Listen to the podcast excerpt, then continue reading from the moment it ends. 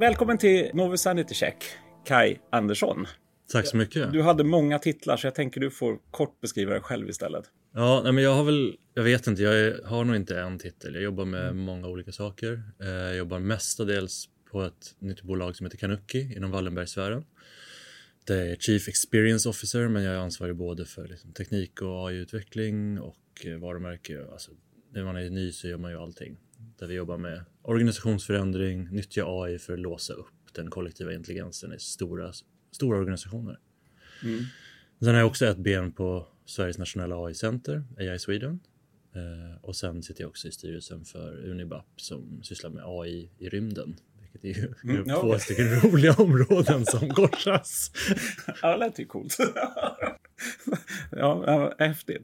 Men ska vi börja med att försöka definiera AI på något sätt? Alltså Absolut. vad är det, tycker du?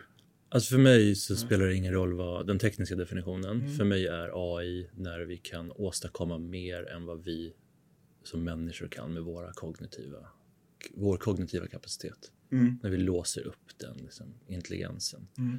För vi har ett sånt otroligt glapp mellan vår processorkraft i hjärnorna och den bitrate vi kommunicerar med. Mm. Det är liksom, det är helt så otroligt dåligt designat.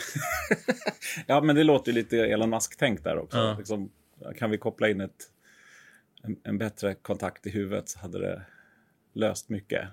Ja, men det gör ju det. Så det, vi, det- de två enklaste exemplen är ju så här, sjukvården. Vi tittar på ett litet symptom och så behandlar vi det. Där alla vet att all häl- hälsan hänger ihop. Allting hänger ihop, det mentala och det fysiska. Eller skolan. Vi använder ett hundra år gammalt system som beror på, som designades när vi hade papper och penna. Trots att vi vet att alla barn är helt unika och behöver lära sig på olika sätt. Och det, det, ju, det, det finns ju en enorm utvecklingspotential och, och, och sjukvården är kanske den tydligaste där, man, där läkarens beslutsunderlag skulle kunna vara mycket bredare. Det var väl också så att egentligen coronavaccinen snabbades lite upp med, med hjälp av processorkraft om man säger så också. Att därför kunde vi få fram ett vaccin mycket fortare än vad vi tidigare har kunnat få. Så det finns ju en enorm potential, men sen i andra ändan så pratas det ju då om att ja, men, ja, tillbaks till Elon Musk, han säger att vi måste begränsa AI, för annars kommer det ta över världen. Indierna kanske blir arbetslösa, callcenterna. Och då är liksom frågan, vad, vad liksom, det, det, vi hamnar fort i en diskussion om någon form att, i alla fall i det offentliga rummet, att AI skulle göra oss överflödiga som människor. Och, liksom, och just som också skapar snarare en skräck mot en dystopisk framtid snarare än en, en, en bra framtid där vi har smarta hjälpmedel. Mm. Jag tänker att det finns två lager i det. Det ena är att teknik har alltid gjort oss överflödiga eller krävt förändring, gjort det gamla överflödigt. Och av någon anledning så lyckas vi aldrig bli bekväma med det som människor. Eh, men det andra är ju att AI, eftersom det förstärker vår intelligens och vår kognitiva förmåga som utgör större delen av världens ekonomi just nu, så är det ju en acceleration av exakt det som utgör oss människor. Och om vi är bra så kommer världen med AI bli bra. Om vi har en massa dåligt så kommer världen med AI bli dålig. Så det kräver en, att vi tänker efter och pratar om hur, vilken värld vi vill skapa. Och det gör vi inte så mycket. Vi är väldigt mycket här och nu. Men exakt, för att och, och, och, och den, den offentliga bilden nu, alltså antal demokratier, sjunker i världen. Eh, vår tilltro till de politiska ledarna sjunker. Eh, önskan efter auktoritära män ökar. Typ Trump, men det, men det är ju inte bara där. Det är, det är ju faktiskt där både i Kanada och Frankrike och andra länder så har vi liksom det. Det är mer än populistiska drivkrafter som plockar fram ledaren snarare än eh, en vilja till förändring. Det är att stoppa en negativ utveckling som är den starkaste drivkraften just nu. Och, och, och pytsa in då någonting som förstärker det här så, så kan det ju väldigt fort gå åt helvete snarare än att det faktiskt är bra. Jag tror, jag tror det beror på var det kommer ifrån. Eh, vi ser det i Sverige också. Tilltron till demokratin har ju dalat stadigt de senaste tio åren. Eh, det handlar nog om att alltså, demokratin drivs ju framförallt av de som är folkvalda eh, och jobbar med demokrati, men också av media. Om de två instanserna omfamnar AI, som egentligen handlar om att skapa transparens och dela information, vilket är grunden i demokratin, Mm. då kan vi stärka demokratin. Men om de som kritiserar demokratin använder AI för att utmana, då kommer demokratin däremot kanske inte stärkas. Nej, och, och, och det där, just journalistiken är ju intressant. Jag gjorde faktiskt en, jag gjorde en undersökning för, ja det var det fyra, fem år sedan nu, eh, just utifrån liksom synen på digitaliseringen. Där, där den, den yrkeskår som var mest rädd för digitaliseringen är journalisterna.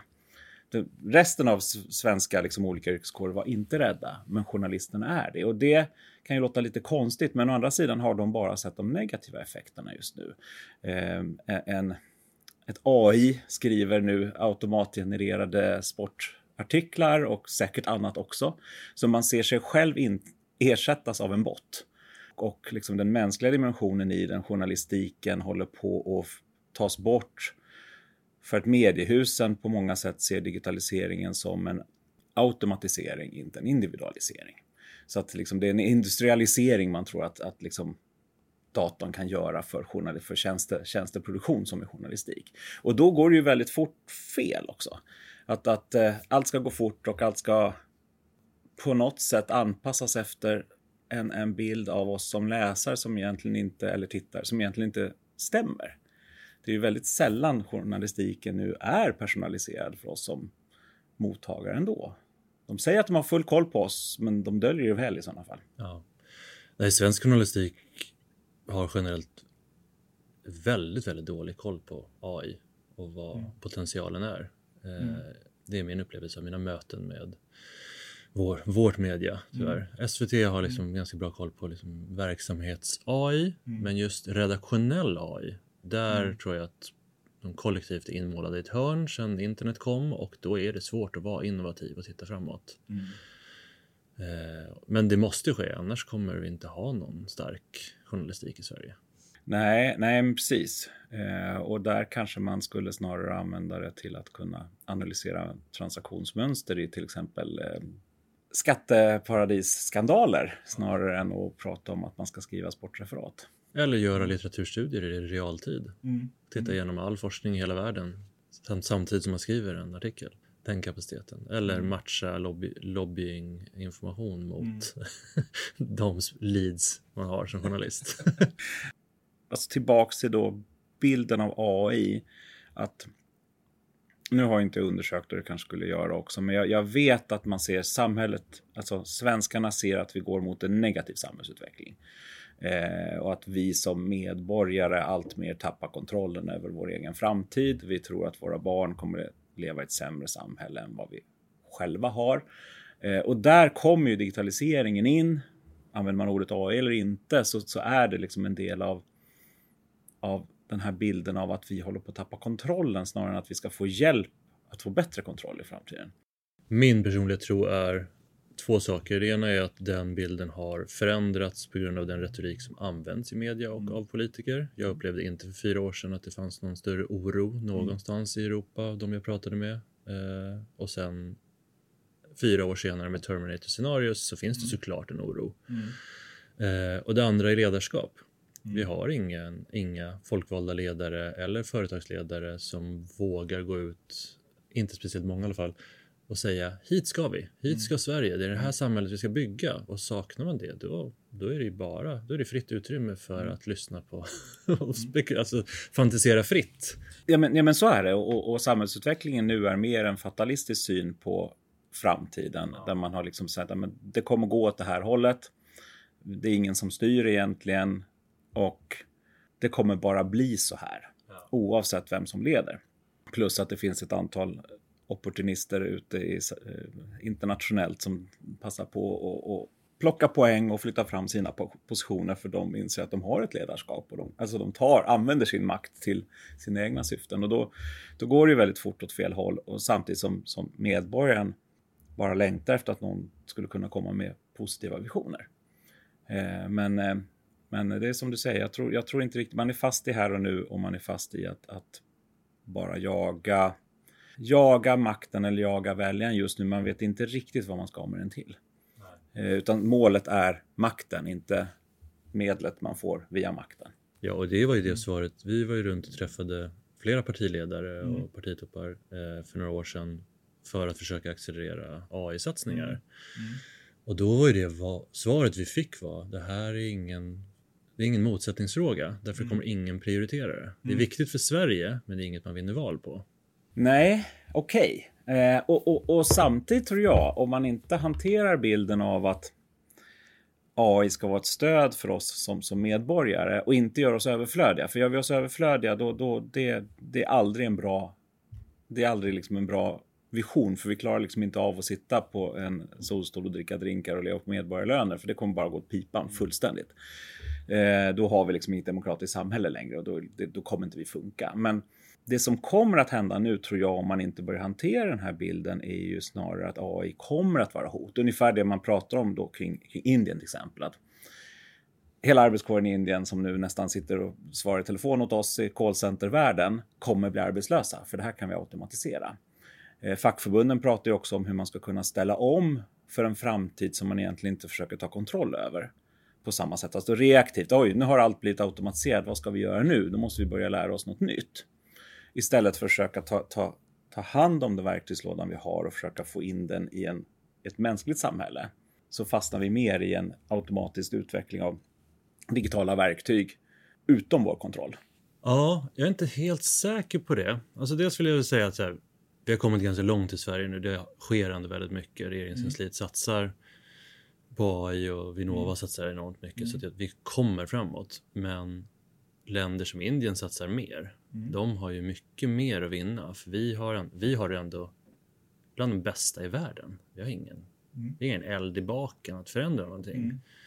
Men när Indien kan utbilda liksom, miljoner AI-ingenjörer mm. mm. då kan de lyfta sig ganska snabbt. Och de har också en sjukvårdsdatainfrastruktur som är långt överskridande Sveriges.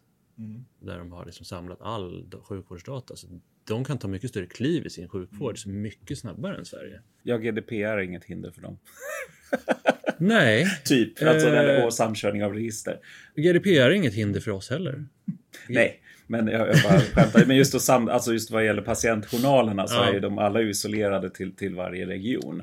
Och, och, då blir det också svårt att, och den personliga integriteten väger så pass tungt i den värderingen. Att man inte, ja, Aha. så att du fastnar ju på Vissa saker kan ju vara bra, men du fastnar ju också ja. i den personliga integritetsdimensionen. Absolut. Att vi har strukturerat vår, sjukvårds, vår, vår sjukvård som feodal-Tyskland, mm. det är ju ett hinder. Mm.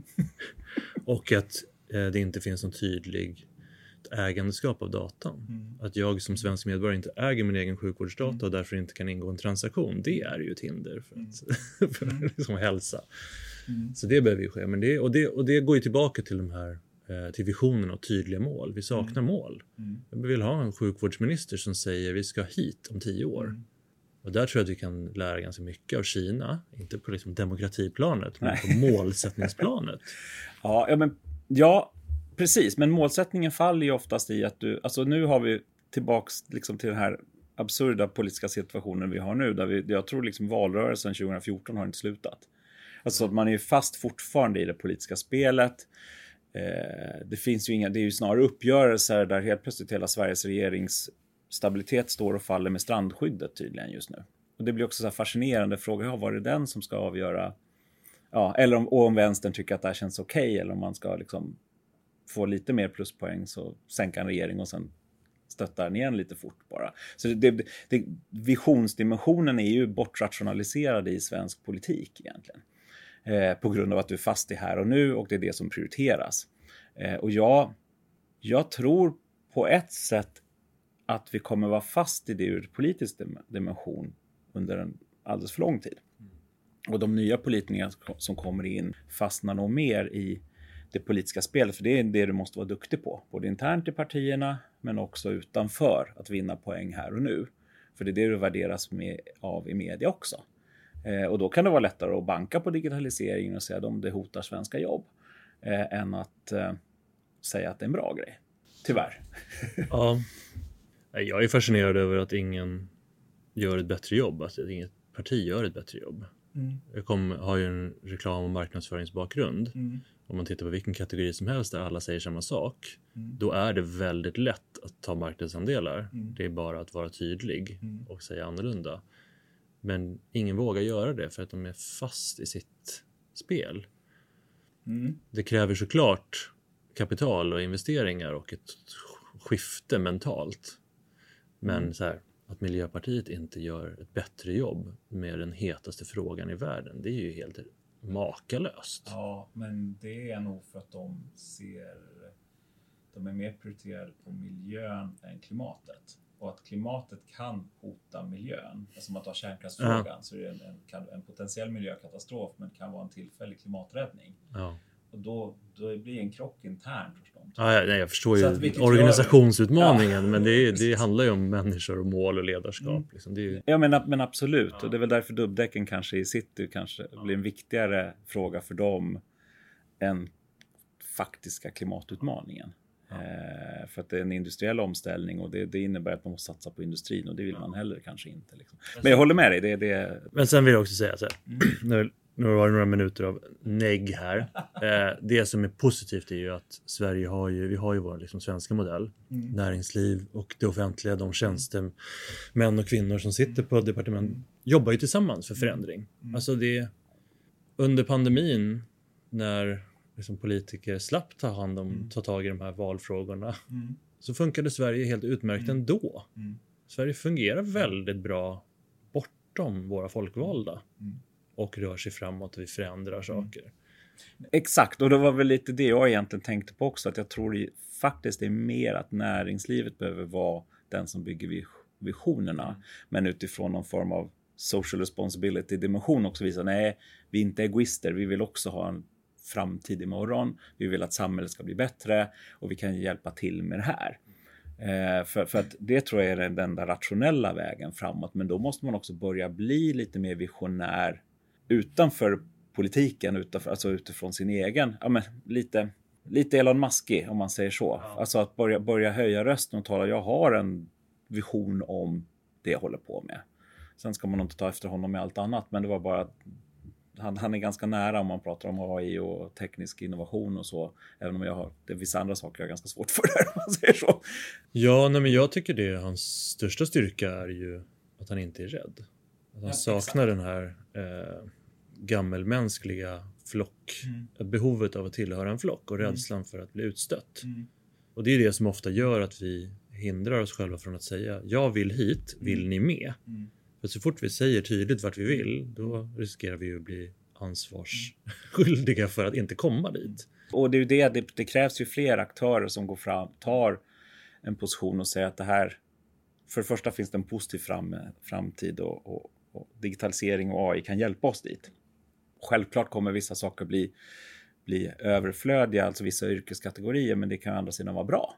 Eh, vi kan få en bättre sjukvård, till exempel. Men om man inte gör det så hamnar ju i den här andra dimensionen av något som, som liksom har fått fått se, och det är väl liksom algoritmerna. Facebooks algoritmer. Det går ju också in i, i medias hot egentligen, att medias hot för att de har tagit annonsintäkterna. Men, men det har ju demoniserats på ett sätt som nästan är absurt Eh, just nu. Liksom att vi, är ja, unga tjejer mår dåligt på grund av Instagram och det, det borde förbjudas. Det liksom hela den här, men egentligen handlar ju det snarare om att man, man känner sig hotad över annonsintäkterna. Men det är en väldigt bra, alla älskar att hata Facebook, typ.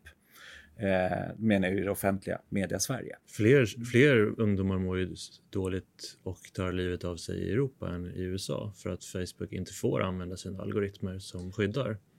Och det är ju en politisk fråga. Det är ju ett politiskt jo, beslut. Men, rädda dem. Men syftet är ju snarare att försöka få bort Facebook. Det handlar inte om den frågan, men den Nej. frågan används som en ursäkt. Ja. Det är lite det, lite det jag menar att liksom det handlar egentligen inte om Facebook, utan det handlar om ett gemensamt hot mot annonsintäkterna ja. och den, den gamla medieaffären. Eh, för för där, där, kan, där kan alla mediehusen enas om att om Facebook försvann, fast egentligen är det internet som ska försvinna och ja, den kan man ju drömma om. Eller inte, helst inte. Det kommer, nog inte det kommer nog inte hända. det, det vore inget bra faktiskt. Det vore ganska jobbigt på jättemånga sätt. Eh, men om man då fastnar i sin egna intresse om att pengarna bara försvinner så blir ju då algoritmen, Facebooks algoritmer blir fienden och skillnaden mellan algoritm och ett AI är inte jättestort i diskussionen. Liksom. Eh, så att, och då blir det också det här att det blir återigen bara en negativ bild av de, alltså, framtidsutvecklingen. Att vi är hjärntvättade slavar under Facebook, typ. Det var Facebook som påverkar val och så vidare och så vidare, vilket inte heller stämmer. Det, är inte sant. Liksom. Eh, men då krävs det ju motbilder till det här. Det krävs liksom också positiva exempel. Det saknas väldigt mycket. I det offentliga rummet gör det och kanske framförallt företrädare. Ja. Jag håller med. Jag saknar ju den, liksom, det där ledarskapet, den där visionen som man känner, gud, det där vill jag vara med på. Mm. Och som du säger, det handlar ju om bara, det handlar bara om maktförflyttning. Ja, Facebook påverkar val är retoriken. Jaha, och alla val tidigare har inte media påverkat val. Absolut. alltså, jo, det var det. Och, och, grejen var att Trump blev ju vald på grund av gammelmedia. Ja. Det var hela grejen. Men, men det var så lätt att prata om de här riktade algoritmerna för det passade in i den här bilden och det kanske påverkade några promille och det kanske råkade vara just de som fick det att tippa över. Men det var inte det som var den stora mobiliseringen. Eh, och den där myten har jag fått tala på och tjafsa om hur länge som helst. Att det stämmer ju inte. Men det passar så bra i den bild man vill berätta. Och, och då, då sätter ju den sig. Så det krävs ju... Det krävs... Och visst, man kan inte hålla på och mytbasta allting hela tiden heller. Utan det krävs ju positiva alternativ. Eller, eller positiva, alternativa positiva bilder. Och kanske inte fixera vid Facebook. Utan snarare vad kan tekniken hjälpa till med på riktigt? Eh, och, och, och, det är inte så många sådana som, som hörs. Inte utanför kanske, du kanske är fullt av dem. Så. Ja, jag, alltså jag vi försöker nu. nu senaste, I år var ju andra upplagan av Digital idag. Mm. Eh, en stor satsning eh, som har tagit efter Schweiz Digital Day. Jag försöker mm. liksom det var flera hundra ställen över hela Sverige mm. satsningar för att medborgare och Alltså att alla ska vara med på den här förändringen. Mm. För det är ju ofta en liten klick människor mm. som sitter och är digitala innovatörer mm. och pratar om framtiden och sen samtidigt sitter någon och svär, liksom resten av Sverige svär mm. över att så här, en skolplattform inte funkar. Mm. så man ska toppar man in exemplet. det blir ett glapp liksom ja, när man exakt. själv. Ja. Eh, så det är viktigt att alla är med eh, och att det liksom är distribuerat över Sverige mm. eh, tycker jag. Och där spelar ju alla en jättestor roll. Jag mm. tror ändå att det här, vi är nog en ganska obekväm period nu. Tyvärr kanske den kommer inte bli mindre obekväm. Den kommer nog bara fortsätta. Men jag också, ja, en sak som jag hela tiden kommer tillbaka till det är att vi, vi ofta börjar i slutet. Precis mm. som att så här, ja, nu har vi problem i förorterna, vi måste ha mer poliser. Mm. Eller så är det någon annanstans man ska börja. Mm. Och om vi ska prata om att så här, vår, alla svenskar måste kom, vara med och klara av det här bättre. Då måste vi börja i skolan. Mm. Alltså med våra barn. Vi kan inte börja när folk blir vuxna. Mm. Alltså vi får vi börja där också, men vi kan inte ignorera att en, vi skapar en helt ny generation som är utbildad i ett 1800-talssystem och mm. tror att de ska vara advokater hela livet. När advokater inte kommer finnas om tio år. Mm. Men då, då måste man ju nästan tillbaks till, för att det som jag tror håller på att hända nu är snarare om man tittar på liksom de som försöker styra samhällsutvecklingen på, utifrån sina olika positioner ja. eh, är ju snarare att försöka hålla emot än att styra till en positiv väg. Eh, alltså då, då, då, menar jag lite fackförbunden, ja, vi måste vara beredda på en omställning och arbetsgivaren måste minsann ha omställningsstöd för alla och alla ska utbildas hela tiden och så vidare. Men, men man vet ju inte vart vi ska. Vi, det, det, är inte så att vi ens har en vision om vart vi ska egentligen, utan vi bara bygger upp en, en, någon form av beredskap för vad fan som helst kan hända när som helst. Men jag tycker ja. fackförbunden är ett väldigt bra exempel. Mm. För om vi tittar på så här, jämför det med, med Volvo som mm. häromåret, deras VD häromåret som sa förbjud bensinbilar. Mm. var uppmaningen mm. till våra politiker. Mm. Vi är beredda att ställa om. Mm. Det är deras liksom, mm. framåtlutade mm. syn på det. Fackförbunden är fortfarande kvar i en, en syn på att skydda arbetarrörelsen. Mm när den här, perioden kanske är förbi. Om jag skulle välja ett fackförbund skulle jag vilja välja det, det fackförbund som bäst stödjer mig i min utveckling framåt och mitt mm. värdeskapande. Mm. Inte skydda mig mot någon imaginär fiende. Och mm. samtidigt sitter många av fackförbunden och förvaltar enorma pengar i pensionskapital mm. mm. men ställer inga krav på jämställdhet i investeringar eller mm. liksom fossilbränsleinvesteringar det, de styr ju framtiden men mm. är fast i ett bakåtblickande. Mm. De måste titta på sig själva. Vart ska vi? Och vilket, de har ju ett, ett enormt ansvar för vilket fram, vilken framtid vi skapar. Och då gäller det ju För jag tror inte vi kommer komma, i, i och med att det är en medlemsrörelse, Ja, så är det ju den här prioriteringen hela tiden att befintliga medlemmar ska vara trygga. Och det glömmer man ofta att egentligen fackförbunden jobbar primärt om sina egna medlemmar. Det är inte alla arbetare utan det är deras medarbetare liksom, som, som det handlar om. Och, och då, då blir det ju då att om en LO eller Metall, de pratar ju egentligen bara om sina medlemmars nuvarande medlemmar och dess framtid. fast jag Ja. tror verkligen, det där tror jag så här. Tyvärr tror jag ibland när man sitter högt upp i en organisation eller liksom en intressefråga att man tenderar att vad ska man säga, undervärdera människor. För när man verkligen pratar med människor så är de, de vill förändras och alla vill framåt. Så jag tror att det går att vrida det. Man kan inte säga så här, nu ska vi börja teleportera oss så här kommer världen se ut. Det kommer vara jätteobekvämt. Men alltså så här, en långsam rörelse framåt tror jag inte jag vet inte vad det mest traditionella liksom, fackförbundet är. Jag vill inte raljera för mycket, men jag tror alltså så här. Man pratar med, om jag pratar med en elektriker så vill de ha deep learning för att bli bättre på att slippa göra mindre av det robotiska. När jag pratar med en taxichaufför så vill han starta sitt eget åkeri med självkörande bilar. En svetsare vill använda deep learning för att kunna få liksom, i realtid kunna prediktera liksom, frekvens och kolla av svetsfogar.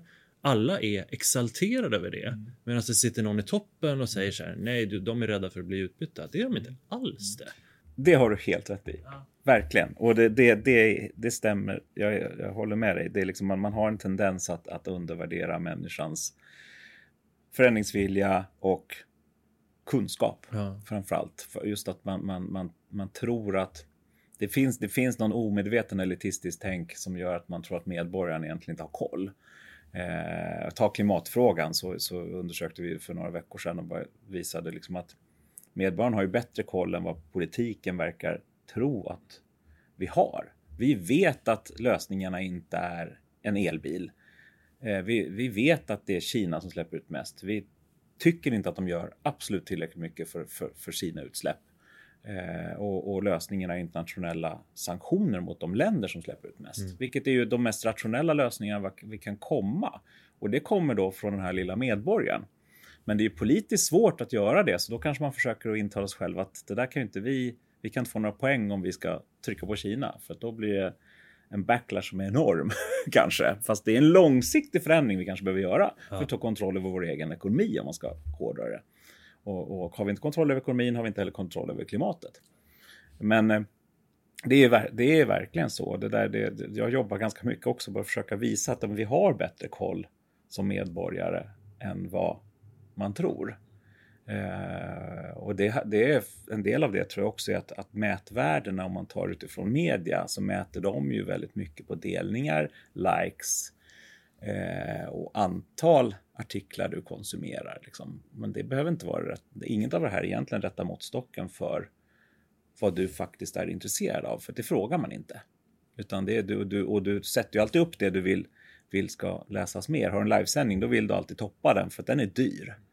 Och då blir det att den kommer läs, tittas på mest för att den är i toppen, men det betyder ju inte att det är det du egentligen efterfrågar.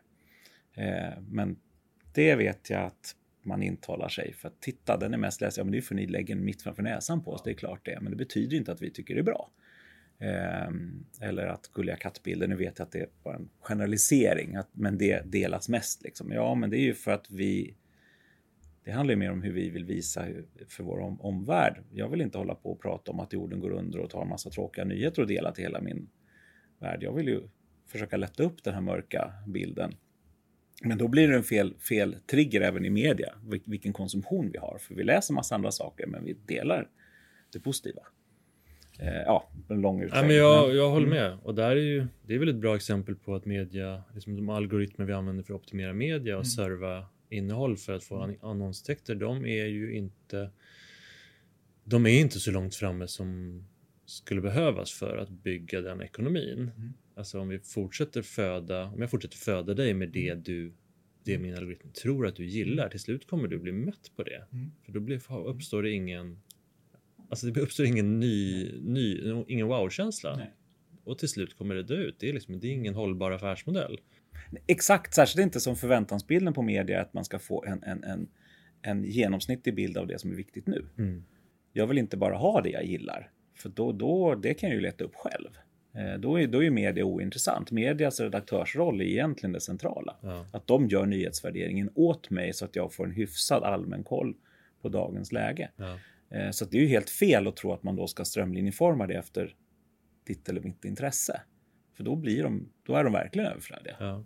Jag tycker det är nästan det tydligaste exemplet på det är svenska ljudbokstjänster.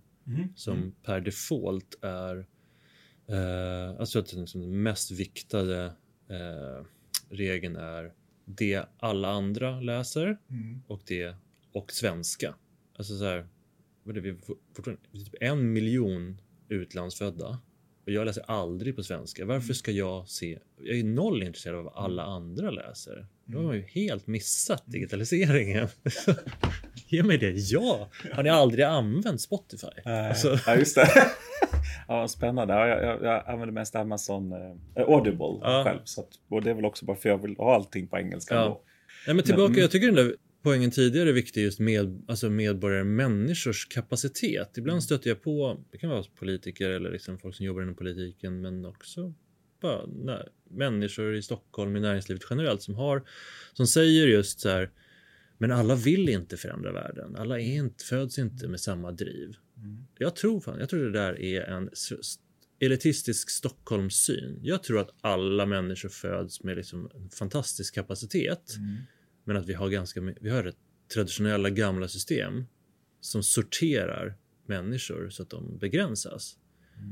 Och det tycker jag att så här, jag tycker att det borde vara någon sorts grundvision för Sverige att alla människor som föds ska nå sin unika fulla potential. Ja, ja, men, det, ja, men det, det har du nog rätt i. Verkligen intressant. Det, det stämmer. Ja, det köper jag. För att jag har också tänkt så här att, för att och det var också vad jag tänkt på Hans Rosling, för det var en grej i eh, en av hans böcker som jag liksom i, men det, var, det blev en aha-upplevelse på ett annat sätt, för egentligen vill alla bara ha ett bra liv och en familj. Alltså, men det är ju mål ett. Det är ju det som är grejen. Att du, du, sen behöver det inte vara en familj så som alla tänker, men att på något sätt liksom ha en liten trygg tillvaro och veta att så. Men det, men det är ju det är kanske liksom steg ett i målbilden. Sen kan man börja fundera på annat också, men att det, liksom det här, men, men att det är ändå gemensamt. Och det var det som slog mig då, för det var så här, det låter knäppt när, när man säger, men att det är fan lätt att glömma. Mm. Att vi är så pass lika, så vi har egentligen alla har den här drivkraften som en del av oss, att vi vill ha en trygg tillvaro. Eh, och har vi inte det, då blir det ju fel. Men samtidigt är ju det här i Sverige så har vi, är vi ju så pass privilegierade att det kan vi nästan inte ta för, ta för givet att vi mer eller mindre kommer få. Vi behöver inte oroa oss för det, jo det kommer man göra som tonåring, gör man alltid det, men alltså sen när man har blivit lite äldre så brukar man kunna checka av alla de där grejerna. Men, och då blir det ju verkligen det här, vad har, vad har skolan gjort med dig?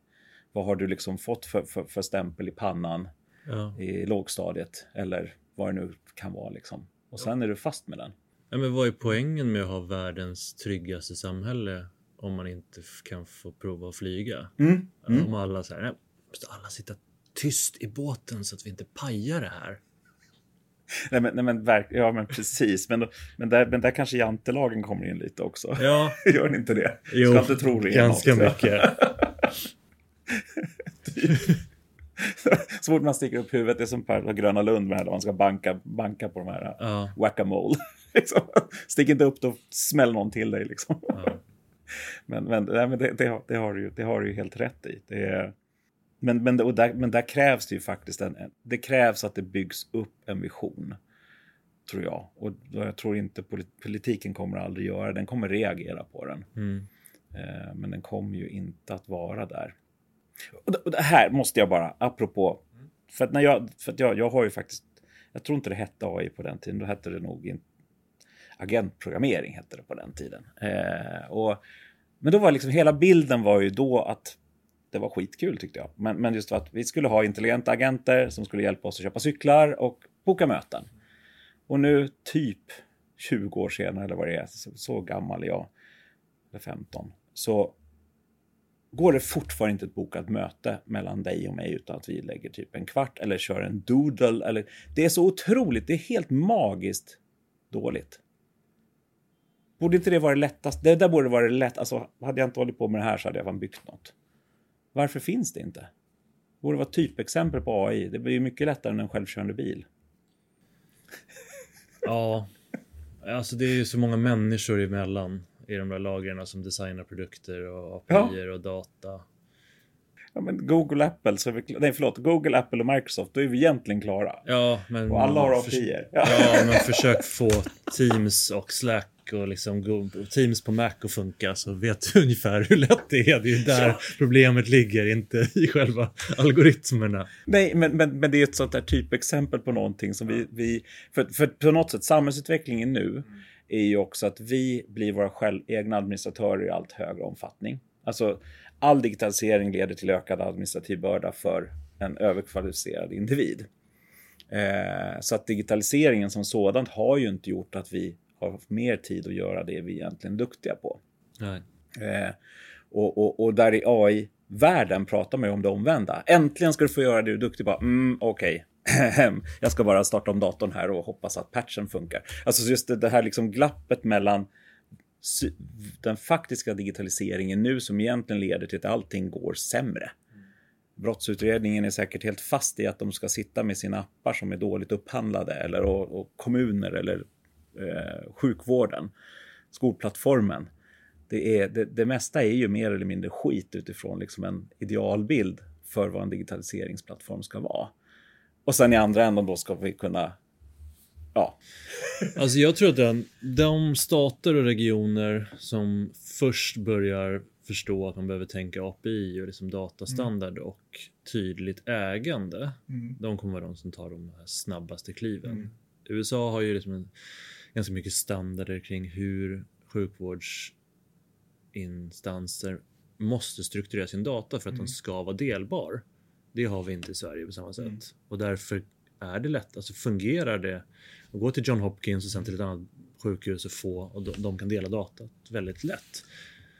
Eh, och det, där gör vi det på regionnivå i Sverige mm. och vissa regioner drar ju ifrån och har, liksom, har AI-produktion och vissa mm. har precis börjat. Mm. Men du vet ju själv om man försöker liksom så här, ja men nu ska jag börja träna och så ska jag ha lite olika appar. Så helt mm. plötsligt har man 14 appar mm. där all data är inlåst. Mm. Och där tror jag, där tror jag att politiker kan spela en roll och lyssna på mm. till exempel Christian Landgren på iTeam som så här, pratar API hela tiden. Vi måste tänka API. Ja, men då krävs det ju, ja absolut, det har du helt rätt i. Eh, samtidigt satt jag på ett seminarium i Almedalen på den tiden det fortfarande fanns, mm. alltså före corona, där det var politiker som var upprörda över att Facebook inte var en allmän rättighet. Alltså så att, för att de tyckte att alla borde få access till Facebook, att det skulle vara en mänsklig rättighet att ha Facebook. För att det var så de nådde sina väljare och då inser man att de har inte förstått någonting. Det, Ah, okay. Du menar att jag, min förhoppning borde sluta hoppas? Nej, ja, men, det, men, lite så. Alltså, det, man, man inser bara, oh, men herregud. Och det här är samma politiker som några år innan tyckte att man skulle kunna stänga av internet för de som inte skötte sig på internet. Mm. Samtidigt som Finland sa att internet var en del av en mänsklig rättighet. Alltså så att vi har så otroligt långt att gå. Men vad i... intressant att du tog upp Finland. Du ja. bara ta en bild av Finlands regering versus vår regering. Precis, jag vågar inte kommentera det. Nej, men, men, men, det är ju någonting här ändå som, som gör att vi har otroligt långa och börjar prata API med politiker. Ja. Liksom, det här kommer inte finnas någon konflikt, det kommer inte vara en valfråga, typ. Eh, och samtidigt som de inte förstår kanske, för att grejen är ju den att när fokus är att bara vinna makten, inte göra någonting bra med samhället på vårt mandat, då, då blir det, då kommer du liksom aldrig riktigt vidare till de här lite mer viktiga frågorna. Eh, utan då gäller det att skapa påtryckning utifrån kanske att media måste fatta det här. Ja, men det tror jag verkligen. Jag tror att media spelar en jätte, jätte, jätteviktig roll. Mm. Eh, och om de inte gör det så kommer utländsk media komma in och spela en viktig roll mm. så småningom. Mm. Alltså, vi är ju väldigt nära realtidsöversättning och realtidsanalys.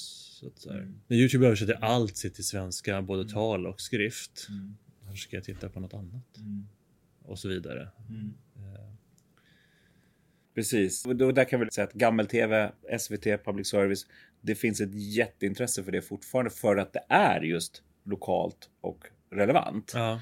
Eh, så att det, är, det är ju där man ska ju se det som två olika delar tror jag. Liksom att, att eh, det, det ena är ju så att det, det handlar inte bara om språket, men, men däremot måste man ju visa att man har en lokal närvaro och man utgår från liksom den vår, vår individens utmaningar. Ja, men det finns ju Liksom. jättemånga medieproducenter, alltså privata producenter på Youtube som är svenskar. Det är ju också lokalt producerat. Ja, men det, men det finns inte. Det, det finns en dimension i det här, men det, och det är också nyhetens roll.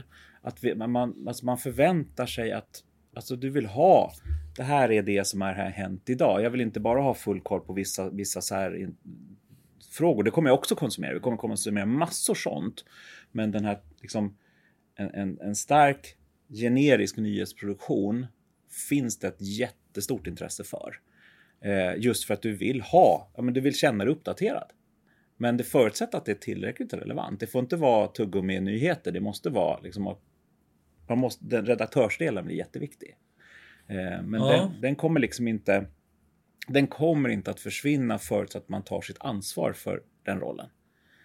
Jag hör dig. Mm. jag bara tänker på en annan utveckling, på en utveckling i, om, man titt, om vi tittar på USA. Mm. Där media fortfarande refererar till Joe Rogan som någon sorts rolig podcast. Mm. Som har fler lyssnare än de fem största medierna i USA tillsammans. Mm. Nu har vi inte kommit dit i Sverige och vi kanske inte är en sån marknad där det går. Mm. Men jag läser aldrig svensk media. Mm. Nej, För jag förstår inte varför jag ska göra det. nej. Men Eh, och jag, om jag skulle göra det skulle jag lika gärna kunna lyssna på om Bianca Ingrosso sa samma saker lika uppdaterad. Och jag visste att det var, fanns AI som stödde trovärdigheten till en större, högre grad än vad DN och Svenskan och Aftonbladet gjorde. Varför ska jag inte lyssna på henne istället? Ja, men ja, okej, men då har du spolat fram ganska långt. Men om man tittar på skillnaden mellan USA och Sverige. För det första är att den svenska public service har under väldigt lång period inte jobbat med agendasättning och de har heller inte tagit en politisk ställning. Sen, sen pratas det hela tiden om att de är miljöpartister och så, här, men det, det stämmer liksom inte. Eh, sen får de slagsida för de har bråttom ibland, men han, det finns liksom ingen underbyggd, alltså underliggande vilja att ha en vänster eller höger. Liksom. Medan i USA har du Fox News, MSNBC och CNN där man, där man gjort en hel affär på att skapa, utgå från en polariserad vinkling av nyhetsproduktionen. Så det, där, där, där skiljer det sig väldigt starkt åt och den, den slagsida man skapar i USA trycker ju folk ut till Joe Rogan istället. Så att, så att där, där, det är medias själva beslut och jag är, har under lång tid varit rädd för att svensk media tror att det här är någon fatalistisk värld vi måste komma till utifrån amerikanskt och, så här, och, och kopiera USA istället för att säga det där är ett dåligt exempel på hur det, det, det är det som leder till populisten, det är det som leder till Trump, det är det som leder till att vi inte tror på samhället längre. För när media har en politisk åsikt, så liksom, då är du körd som media. Eh, men men man, man har ändå jobbat så för man, man jagar fel drivkrafter. Och, lit, och de tendenserna har ju varit under en period i Sverige också. Att du, du ska tala om för oss vad vi tycker. Liksom. Eh, men släpper man det, då, då, då kommer de här traditionella varumärkens styrka som SVT, Sveriges Radio, DN och Svenskan kommer ändå vara så pass starka så att det finns liksom en, en, en väldigt stor tröghet i det så länge man förvaltar det. Ja, ja men jag tror absolut. Jag tänker bara att så här, eller nu är jag nyfiken också. Mm. När du säger men svenskar vill hålla sig ajour med vad som händer. Mm. Det var min parafrasering. Hur många är det som tittar på nyheterna varje dag? Det är typ 80-90 procent. Av alla vuxna? Ja, precis. Så att det är mer än du tror. Men sen kan det vara att du gör det via SVTs app. Det behöver inte vara att du slår på Rapport. Men att du följer ändå Men nyheterna. de tittar på strömmande bild? Nej, nej, nej. Utan det här, det här är ju liksom, du, du, du konsum, kan ju konsumera via text istället. Ja. Alltså så att det här betyder ju inte att du slår på Rapport 19.30. Men, men du kommer få till dig liknande nyhetsrapportering antingen via text eller bild eller ljud. 9 av 10 svenskar, om jag minns rätt nu, varje dag följer svensk nyhetsrapportering och har då en, en hyfsat gemensam bild av vad som händer. Så att det är fler än vad du tror. Ja, nej, det är uppenbart. Jag inser ju själv att jag sitter i någon sorts lite- Stockholmsbubbla. För, jag tänk, för min syn är ju så här, jag, det var länge sedan jag tittade på svenska nyheter utan att vi redan veta vad som hade hänt. För att jag ser ju det i andra kanaler direkt när det händer. Ja, men det är också kanske för att du är mer fokuserad av internationella nyheter än nationella nyheter också. Ja, Eller? jag menar, vad är det som händer i Sverige? Alltså, Jo, men det händer ju jättemycket, men kanske inte för dig i din AI-värld. Alltså, det, det är ju det som, det, det, det beror ju på lite, alltså, det, och det är ju det häftiga nu med digitalisering. Du kan ju leva i en, en, en internationell Ja. värld. Medan, medan, alltså, även om man liksom bor i Stockholm eller bor i Värmland eller bor, så, så är du ju ganska intresserad av din lokala närvaro. Ja, Men jag ser ju också så här, men när det var skjutning i Hammarby sjöstad här en veckan. Jo, men fast- det kommer ju på Twitter innan det kommer på nyheter. Ja, men det är väldigt få som är på Twitter. Ja, just det. Alltså det är väl väldigt få som faktiskt använder, alltså det här ska man ju inte heller glömma att de flesta sitter inte och följer digitala flödet hela tiden. Utan du liksom, du, ja, men, säg att du har ett jobb som innebär att du inte kan ha mobilen framför dig eller datorn framför dig hela tiden. Då går du in och kollar aktivt kanske i rasten eller en paus medan nyhetsproduktionen utgår från att du är 24-7 uppkopplad till ett live-feed och det är inte människan. Liksom, idag är inte, majoriteten är inte det. Men är det procentuellt högre till exempel i USA för att de är en större marknad som är uppkopplade mer? Nej, nej, det tror jag inte. Jag tror inte det. Det tror jag inte. Jag tänker att Twitter är så otroligt mycket större, men det är bara är det liksom. Det är för att det är mer Linjär. män. Ja, jag tror inte det är fler procent. Nej. Det är fler, bara fler huvuden. Eh, så det, det jag tror Ja. man, man, det har blivit en slagsida. Twitter har ju blivit stort för att media ser det som en konkurrerande publicering egentligen. Så att den, den breda räckvidden för Twitter är via traditionell media. Ja. Och det är också helt knäppt. Så att när Trump, alltså Trump nådde ut till svensk media för att han twittrade, men han nådde inte ut via Twitter, utan han nådde ut via SVT och Aftonbladet och Expressen. Ja, men det vet jag. Nej, ja, men då, då blir det också lite bakvänt. Så Liksom, vad är egentligen Twitters makt då? Det, hade inte media sett det som en konkurrerande publicering utan snarare sett det som en nyhetstips och sen försökt ringa. Trump är ett dumt exempel, men alltså inte bara citerat det utan försökt följa upp det. Så hade det inte blivit samma typ av, av eh, genomslag. Men jag lyssnar ju liksom på Rogan och The Hill och sådana Mm. podcasts, inte för att de är alternativa utan för att de pratar om andra saker. De pratar Mm. om liksom forskning och en innovation och inte bara sensation, alltså sensationer. Och det saknar jag i Ja. media. Exakt, men det är ju för att de, har, de tror att, alltså det, det är ju där det, deras algoritmer eller deras förståelse för, för oss som, som människor Ja. har ju försvunnit. De har ju tappat väldigt viktiga delar i det här, för de går ju egentligen bara på det här lättuggade, snabba nyhetskolhydraterna. För, att, för att de har på något sätt tror att vi inte vill ha nyheter. Eh, Plus att man tror att nyheter är en allmän commodity. Så att då har man ju också undervärderat hela sin roll som redaktion. Att, att ja, okej, men om, om, om, om nyheter inte kan, om man kan ta betalt för nyheter, varför har vi då journalister? Alltså det är då du, fast ja. men och varför finns vi då som redaktion om utan oss finns det ändå det vi hade gjort. Så man, man har ju blivit, alltså men det är här och nu fixeringen som, som har, har, har lett till det här. Att alla livesänder när Stefan Löfven av, avgår. Men ingen kanske, alltså, och sen när det är klart så stänger man av. Men vi som, som svenskar, vi slår inte på tvn eller, eller kollar mobilen 13.30 för att följa hans avgång live. Vi kanske läser det på kvällen sen. Så, aha, okej, nu har jag fått 17 flashar om att han har avgått och träffat talmannen. Okej, vad händer nu? Kanske man vill höra istället. Men det där låter ju bara, det är ju bara en ångestdämpningsloop. Liksom. Det är som en restaurang slänger på hamburgare på menyn. Ja, alla äter hamburgare för att det är det mest liksom, tillfredsställande känslan i kroppen och ångestdämpande. Men det kommer ju döda kreativiteten på menyn och sen till slut så har folk, Exakt. är folk i sig en Brave New World Ja, men, och, scenario. exakt, och det är för att man inte tror att vi vill ha något annat. För man har bestämt sig för det. Men det blir ju, det blir ju ett moment, eller ett omvänt, inverterat Ja. moment 22 för att så här, människor bryr sig ju egentligen inte om att Stefan Löfven avgår. Mm. Media vill inte skriva om det, men de gör det och så, så här, det är det enda som sänds. Och Jag skulle titta på testbilden om den fanns. Men Då tittar jag på Stefan Löfven istället för det är liksom marginellt mycket, lite mer intressant. Någon måste ju förändra det där. Och jag tror att de gör det, annars skulle ju inte liksom en miljard människor vara på Flashback. Nej, men, men, nej, men absolut. Men, och, men det, det man gick... fe- Eller var flera saker. Här. Vi kan ta ett helt program om det där. Eller, eller inte ens... Kanske inte folk orkar lyssna på det här. Men, men just det här, man bestämde just för att internet bara var ytterligare en plusintäkt. Ja. Så då, då, då, då hade, använde du. Alltså då tänkte jag, men okej, en helsida i tidningen var dyr.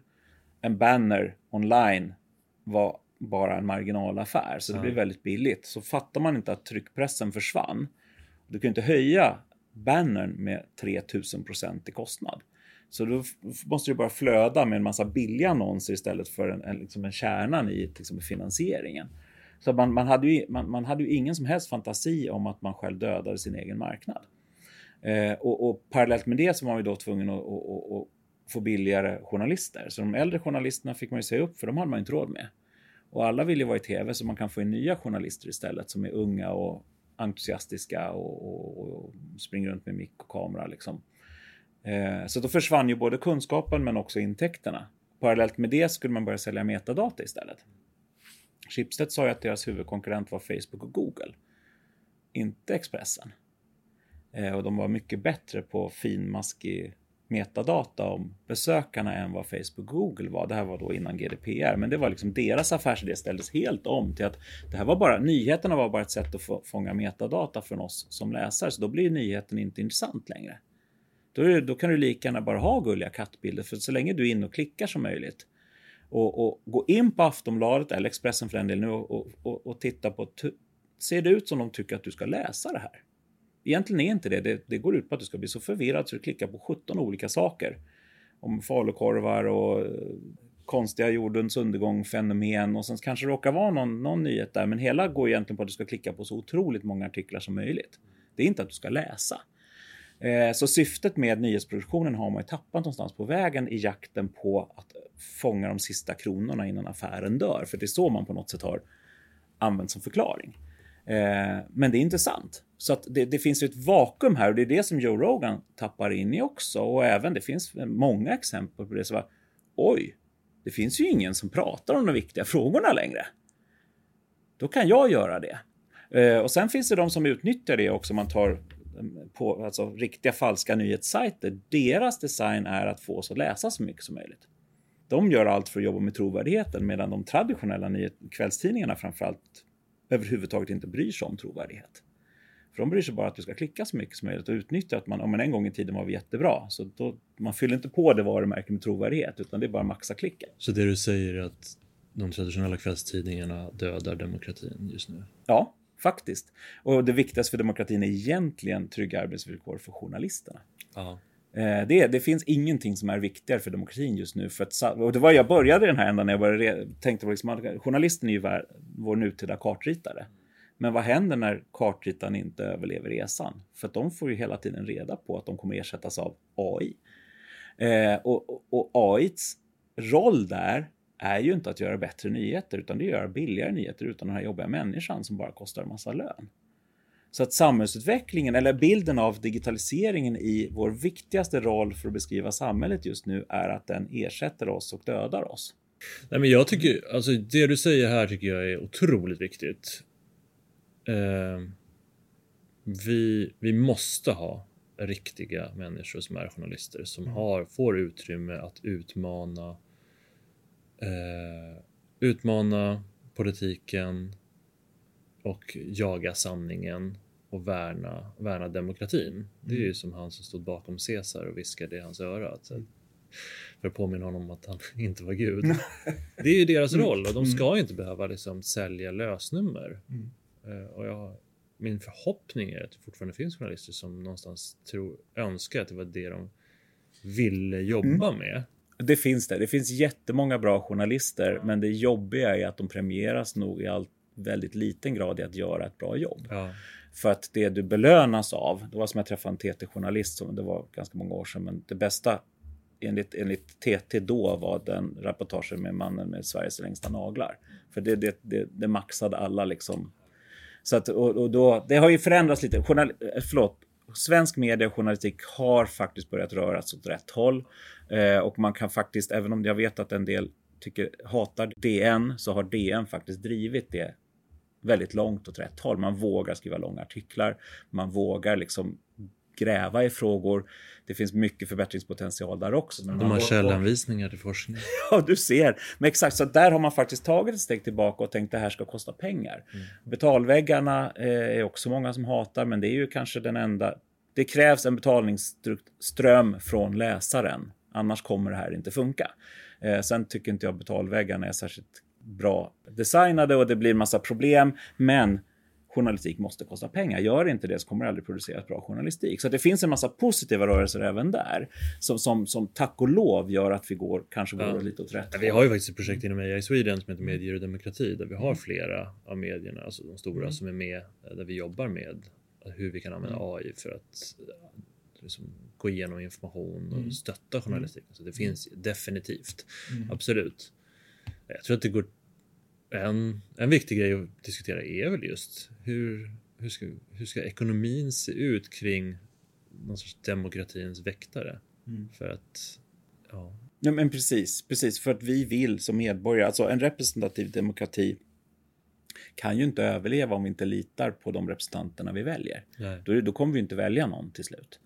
Eh, eller vi väljer den som talar sanning om att allt är skit till exempel. Så, och, och men, men, men de representanter vi väljer måste ju hela tiden påminnas om att mandatet är från väljaren. De har, det är inte tvärtom. nej. Det, det, de är inte makten över oss, utan det är vi som är makten över dem. Ja.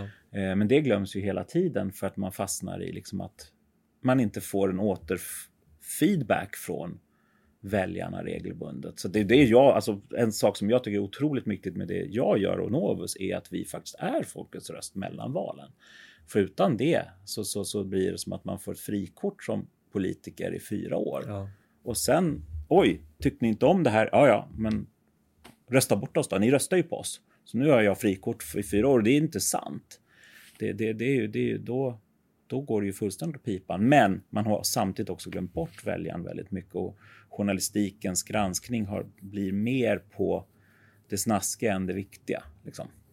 Det, och det är väldigt, väldigt synd, men det, det, och det får man hoppas. Och det, men det är väl som du säger också att det, vi, vi, eller som jag också tolkar, eller som jag tänker på också, att i en samhällsutveckling kan man inte glömma bort människan. Nej. För då är det ingen mening med, då kan vi lika gärna strunta och ha en teknikutveckling.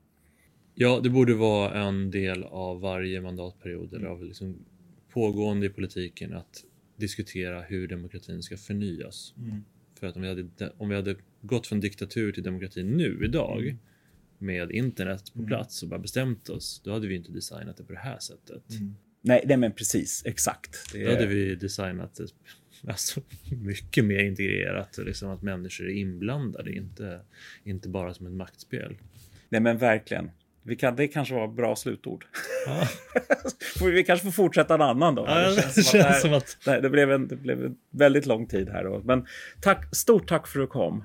Tack så mycket, väldigt kul samtal. Ja, men det, det blev lite allt. Ja, tack för idag. ja tack.